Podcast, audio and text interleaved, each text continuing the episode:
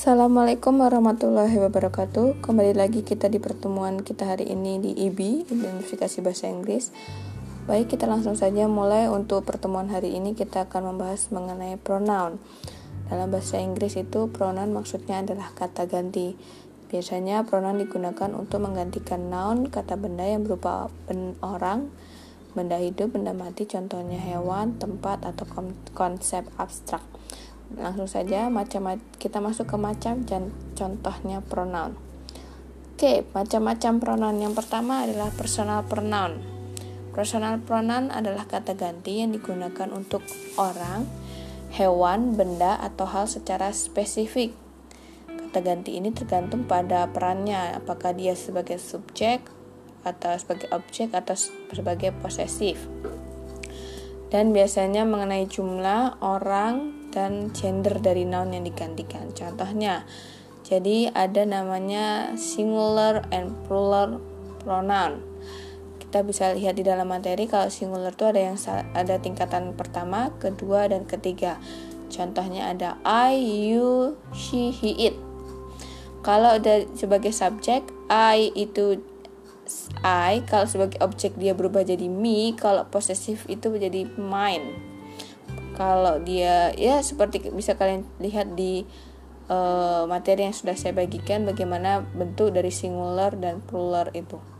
Lalu yang selanjutnya mengenai contoh kalimatnya dari personal pronoun.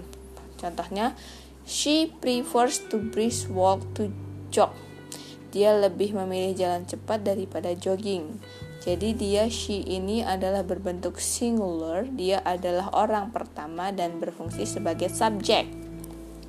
Jadi she ini adalah singular dan dia adalah orang pertama dan dia adalah sebagai subjek kasusnya. Yang kedua, yours is on the table. Yours ini artinya punyamu. Punyamu di atas meja. Yours ini ber, adalah dia numbernya singular. Lalu dia adalah orang kedua dan dia ada berfungsi sebagai subjek paham ya.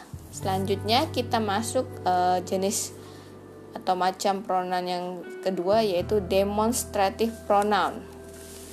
Demonstrative pronoun adalah kata ganti yang menggunakan parameter number atau jumlah dan distance atau jarak. Jadi kata ganti ini menggunakan parameter number dan distance.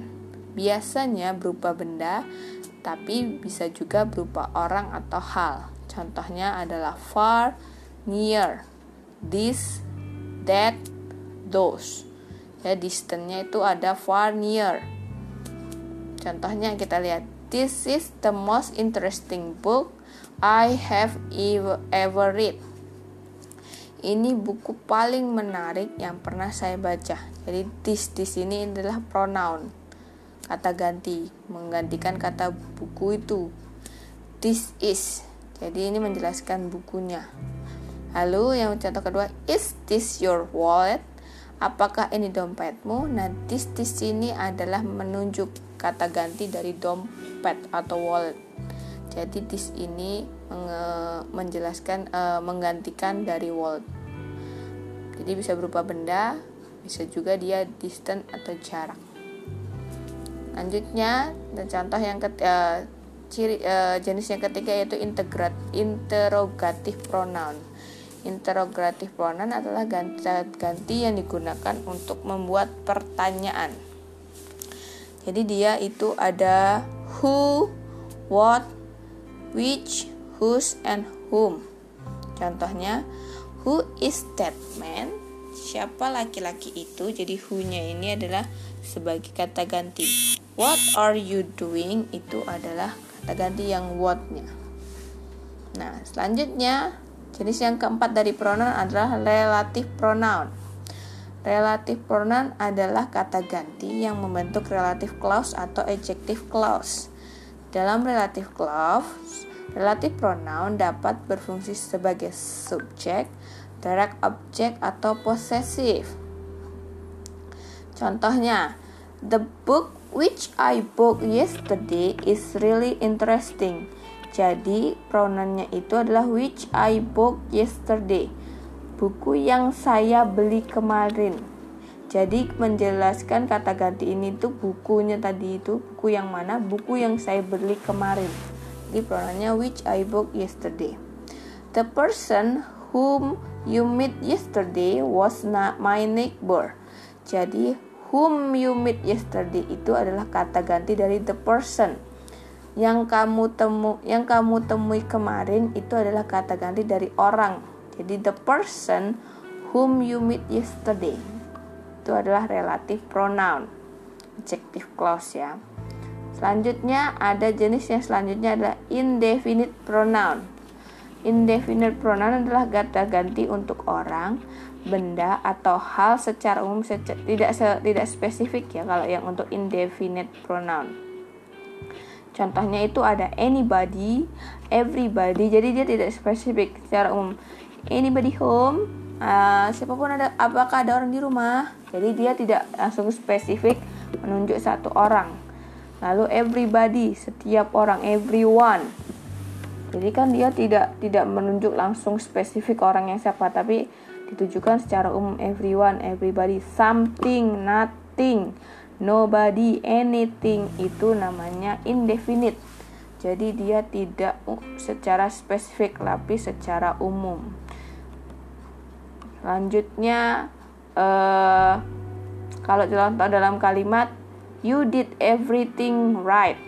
Kamu melakukan semuanya dengan benar. Jadi semuanya everything. Dia tidak langsung menspesifikkan apa yang dikerjakannya itu, tapi secara uh, umum yang kamu lakukan adalah benar. She said something about going home. Dia mengatakan sesuatu tentang pulang ke rumah, tapi tidak menspesifikkan apa yang dia katakan tentang pulang ke rumah itu apa, tapi secara umum. Jadi secara uh, secara general. Oke, jenis pronoun yang selanjutnya adalah reflex, reflexive pronoun.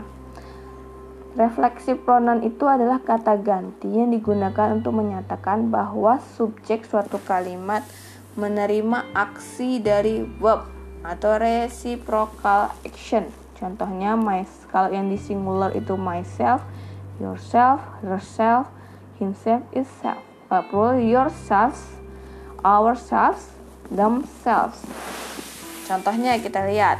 I'm going to buy myself new jeans. Saya akan membeli celana jeans. Jadi dia membeli sendiri. Stop blaming yourself. Berhenti menyalahkan dirimu sendiri. Jadi dia uh, subjek kalimat itu menerima aksi dari verbnya.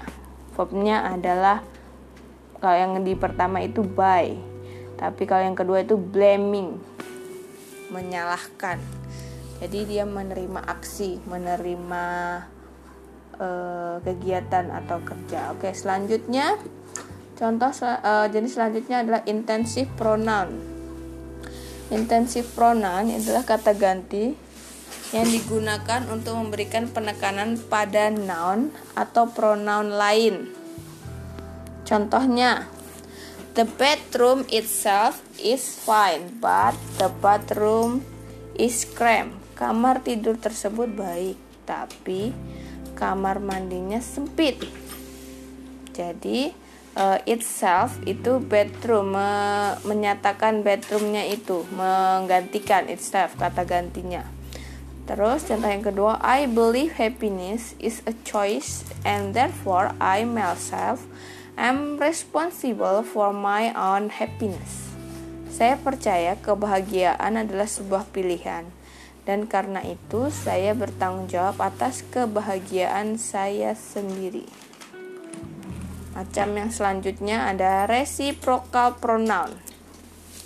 Ini adalah kata ganti yang digunakan pada kondisi ketika dua atau lebih subjek melakukan aksi yang sama terhadap satu sama lain. Contohnya ini each other atau one another, jadi ada hubungan satu dengan yang lainnya.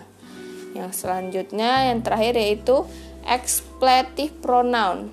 Ini merupakan empty word, jadi dia tidak menambahkan arti apa pun. Contohnya, there is no food in my house. Yang kedua, it was easy to meet him. Jadi dia tuh tidak ada menggantikan sapa ke mana. Jadi dia digunakan bersama verb be. There is no food. tidak ada makanan it was jadi dia ada uh, verb be-nya baik sampai di sini mengenai pronoun terima kasih